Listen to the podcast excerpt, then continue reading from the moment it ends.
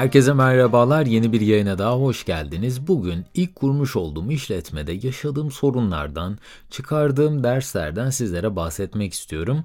Bu tarz platformlar sayesinde artık bu tür hayat tecrübelerini de başka insanlara aktarmak mümkün hale geldi ve bugün ilk girişimimdeki yolculuğumu sizlerle paylaşacağım. İsterseniz hiç beklemeden buyurun hemen konuya geçelim. Bu arada ufak bir hatırlatma yaptığım yayınları beğeniyor ve destek olmak istiyorsanız Patreon üzerinden bana destek olabilir veya dinlediğiniz platformlardan abone olarak yeni yayınlara anında ulaşabilirsiniz.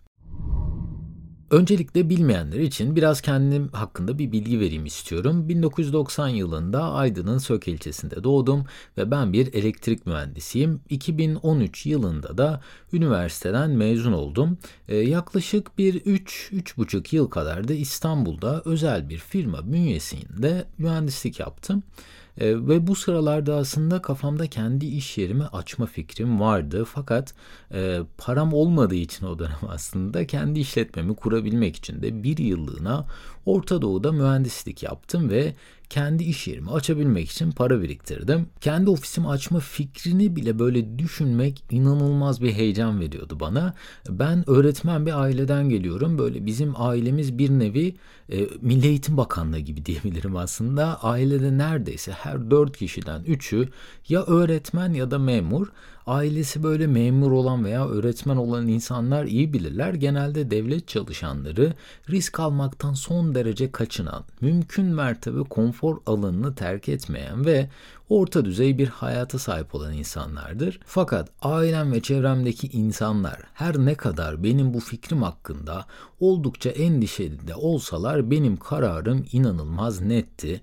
Peki ne oldu da öğretmen aileden gelen biri olarak kendi işletmemi açmamda bu kadar ısrarcı oldum?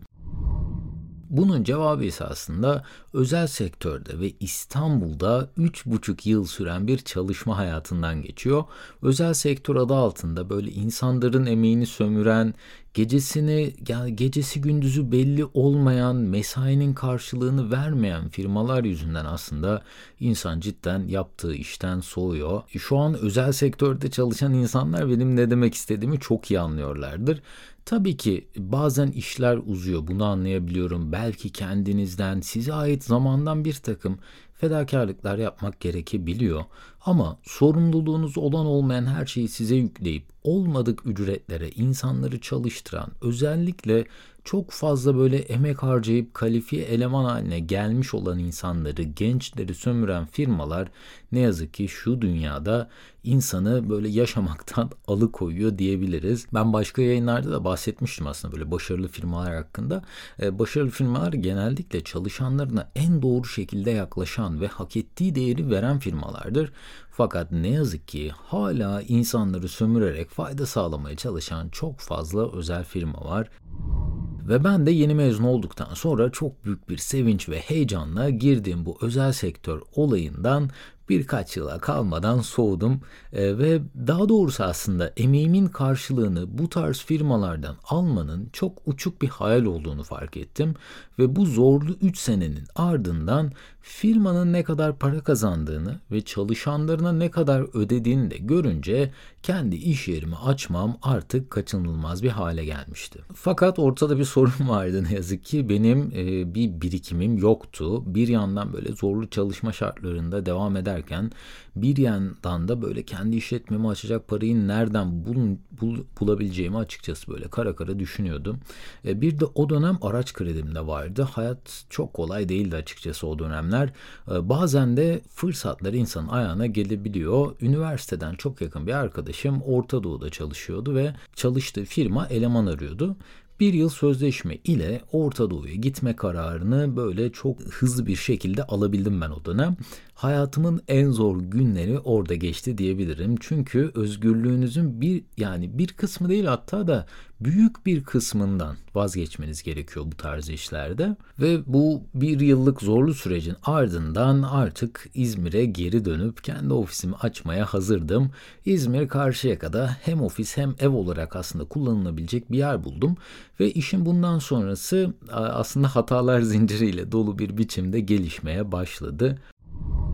Ben ofisi ilk açtığım zaman yapmak istediğim iş güneş tarlası kur- kurabilmekti. Bununla alakalı hatta elektrik mühendisleri odasında bu işin projelendirme ve uygulama eğitimini aldım. Ofis açtığım için e, tabii ki ofisin kirası, elektrik, su, internet olarak böyle bir ton aylık gider oluşmaya başlamıştı. E, şirket açılışı için de vergi dairesine gittiğimde ben ne yazık ki ev kontratı imzalayarak adresi tuttuğum için iş yeri adresi olarak bu adresi kullanamadım. Tabii ben daha önce iş yeri açmamıştım hayatımda hiç. Bu da böyle çok fazla bildiğim bir konu değildi benim. Ve ev sahibi de tabii ki iş yeri olarak evini göstermek istemeyince e, Bayraklı'da böyle sanal ofis adresi kiraladım. Gider kalemleri böyle giderek çoğalmaya başladı benim için.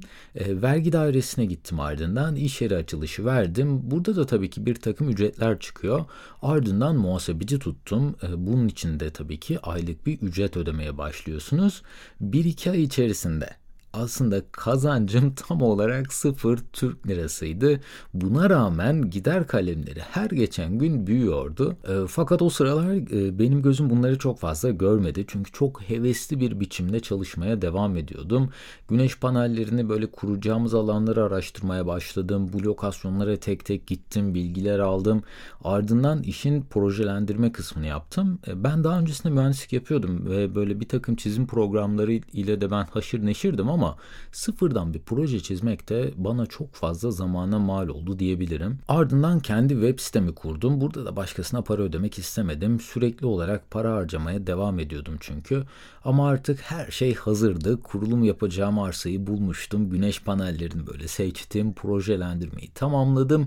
Tek bir sorun kalmıştı. O da banka kredisiydi.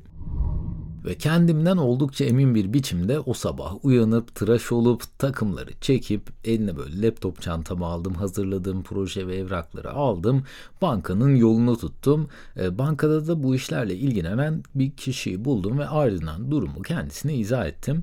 E, yanlış hatırlamıyorsam o dönem için 350-400 bin euro bir kredi istiyordum. E, bankacı bana bu miktara eşdeğer herhangi bir gayrimenkul veya yatırımım olup olmadığını sordu. E, ben bu kredi kredi isterken yaşım henüz 26 idi. Tabii ki de bu miktara eşdeğer hiçbir birikimim yoktu. E, şirketin ne zaman kurulduğunu sorduğumda ise 3 ay bile olmadığını söyledim. E, bankacı tatlı bir gülümseme ile size ne yazık ki hiçbir güvenceniz olmadan böyle bir parayı veremeyiz dedi. O an birkaç saniye dünya benim için durdu diyebilirim. Aylardır araştırmalar yapıp ofislere, muhasebecilere, daha yüzlerce şeye masraf yaparken bu işi yapabilmek için en temel ihtiyaç olan krediyi en sona atmak yaptığım açıkçası en saçma hareketti.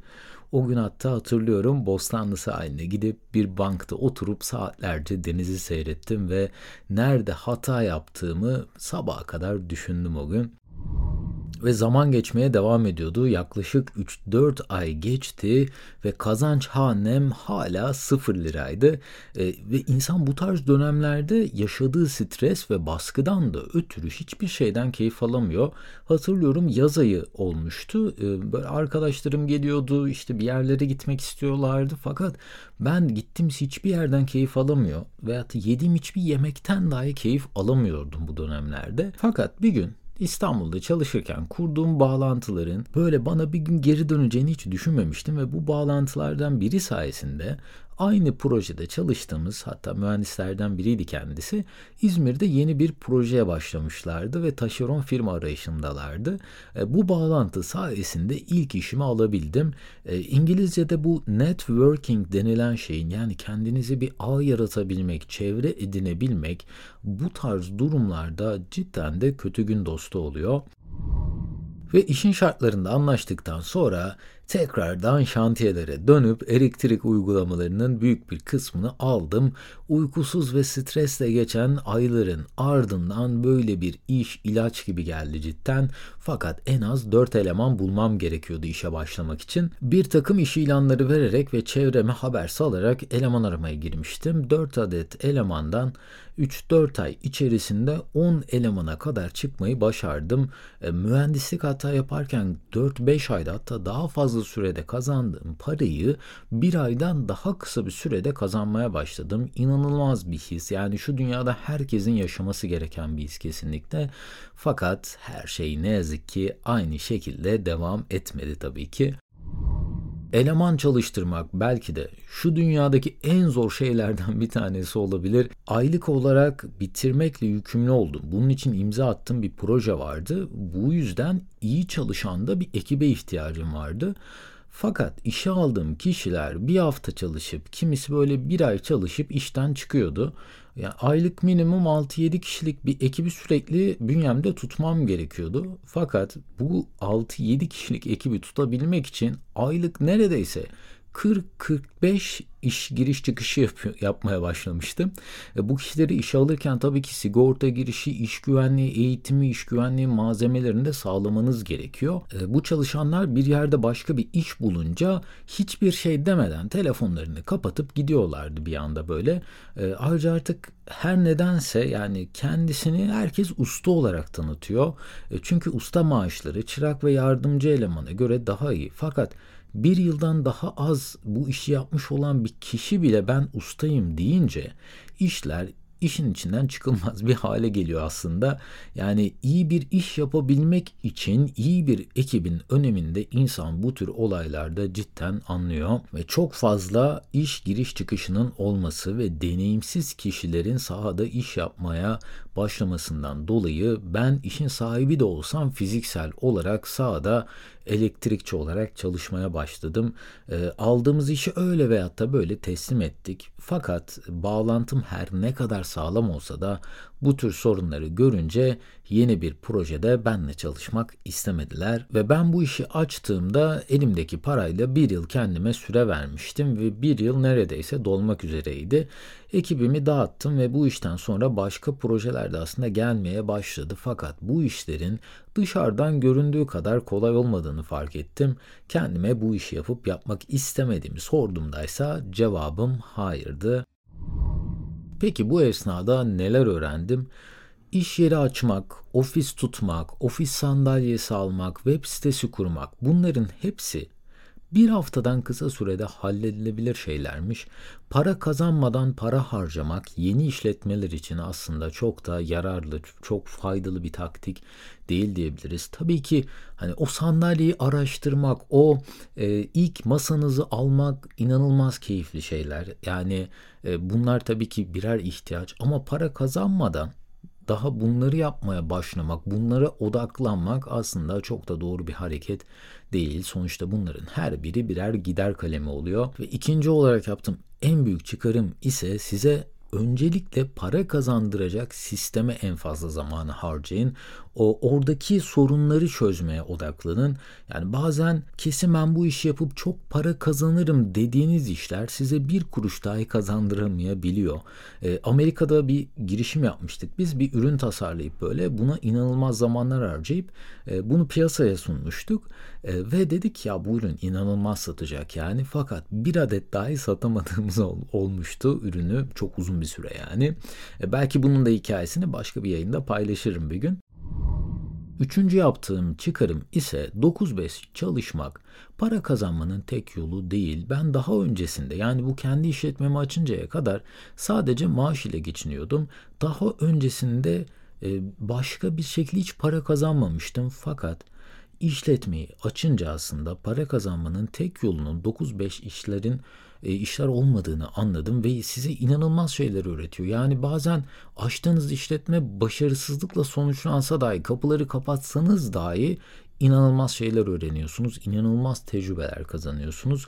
Bu da benim öğrendiğim en büyük tecrübelerden biriydi açıkçası ve bu şekilde para kazanabilmek e, tabii şimdi maaşlı işlerde çalıştığınız saat karşılığında bir şeyler kazanabilirken kendi ürettiğiniz işte bunun çok daha üst bir kısmını kazanabiliyorsunuz ama bunları sürekli hale getirmekte tabii ki ayrı bir zorluk. Ve dördüncü yaptığım çıkarım herkesin sizin işinizle ilgili bir fikri olması. Yani diyorum ya benim ailemde kimse iş yeri açmadı daha önce. Hiç kimse. Yani en uzaktan kuzenim bile bir iş yeri, bir işletme sahibi değil. Fakat ailedeki herkes, çevremdeki herkes, arkadaşlarım, herkesin benim açtığım işle, yapacağım işle ilgili bir fikri vardı. Ya yani bu tarz fikirler kafanızın içinde boş yere cidden yer kaplıyor. Bunun yerine çalıştığınız alanda başarılı olmuş insanları bulun ve onların tecrübelerinden yararlanmaya çalışın. Onlarla konuşmaya, onlardan fikir almaya çalışın. En azından bu yoldan geçmiş insanlar size daha akla yatkın, daha mantıklı bir yaklaşımla sorular soracaktır. Çok daha faydalı olacağını düşünüyorum. Ve beşinci yaptığım çıkarım ise işin başlangıç ve bitiş tarihinin olmasına özen gösterin. Bir yıllık bu sürenin ardından çok fazla şey öğrendim. İş için koyduğum son tarihe geldiğimde de belki de yaptığım en iyi şey bu olabilir. Çünkü durup değerlendirme fikrim oldu. Zaten cebimdeki para bütün bu giderleri sadece bir yıl karşılamaya yetiyordu. O yüzden bir zaman limitim vardı ve bu zaman limiti dolduğunda her şeyi baştan sona tekrardan bir değerlendirme fikrim oldu açıkçası. Altıncı olarak yaptığım çıkarım ise hayatınızı riske etmeyin. Çocuğunuzun rızkını, ev kiranızı veya temel giderlerinizi iş kurmak için riske atmayın. Bir iş fikriniz varsa kesinlikle deneyin. Hayata geçirmek için yollar bulun, adımlar atın ama hayatınızı bu esnada riske etmeyin. Son yaptığım çıkarım ise 100 liram olsa 100 liralık iş yapmam. E, şimdi bu ne demek? Yeni kurulan işletmelerin %90'ı bildiğiniz gibi ilk 3 yıl içerisinde batıyor, hayatta kalamıyor. %90 inanılmaz bir rakam. Fakat bu istatistik sizin de kesin başarısız olacağınız anlamına gelmiyor. Fakat benim bir 100 liram olsa 20 liralık bir iş kurmaya çalışırdım ve 100 e, liranın hepsini riske etmezdim. Eğer 20 liralık kurduğum iş çalışıyorsa, bana para kazandırmaya başladıysa ona yatırım yapmaya devam ederdim. Yani diğer türlü bu istatistiklere göre, bu oranlara göre hayatta kalmak, bu şartlarda hayatta kalmak cidden çok zor. O yüzden küçük adımlar atmaya özen gösterirdim. Ve sorulması gereken son soru pişman mıyım? Yani şu an sorarsanız kesinlikle pişman değilim. Neden? Her ne kadar böyle kitapta okusanız, başarı veya başarısızlık hikayelerini dinleseniz bir işin içine girmeden o işle ilgili sorunları, gerçekleri öğrenemiyorsunuz. Hiçbir kitaptan veya insandan bu tür tecrübeleri edinemezsiniz. Yaptığınız hataların da izleri öyle derin yer ediyor ki tekrar aynı hatayı yapmak cidden çok daha zor bir hale geliyor. Her işletme kurulduğunda birebir aynı sektör dahi olsa işi kuran kişinin veya kişilerin yüz binlerce karar alması gerekiyor ve bu alınan kararların sizi nereye getireceğini ancak deneyerek görebiliyorsunuz. Bir girişim yapmak, yeni bir işletme kurmak oldukça riskli şeyler. İnternette özellikle yani şöyle şeyleri çok görüyorum. Her şeyimi sattım ve başarılı oldum. Böyle bu başlıklarda çok fazla hikayeye denk ediyorum. Tabii ki böyle insanlar var. Ee, ama o insanların geçmişini ne kadar biliyoruz? Bir de her şeyini satıp başarısız olan kaç milyon insan var? İşin bir de bu kısmından bakmak gerekli. Yani ben kimsenin hevesini kırmak niyetinde değilim. Eğer kafanızda bir fikriniz var ise, yeni bir girişim yapmak istiyorsanız kesinlikle buna bir şans verin derim. Fakat kendi hayatınızı bu yolda riske etmeyin. Her şeyi riske etmeden de bunu başarabilmenin bir yolu elbet vardır. Umarım sizlere faydalı bilgiler sunabilmişimdir. Bu arada tüm yayının yazılı metnine açıklamalar bölümünden ulaşabilirsiniz. En kısa sürede başka yayınlarda görüşmek üzere. Kendinize çok iyi bakın. Hoşçakalın.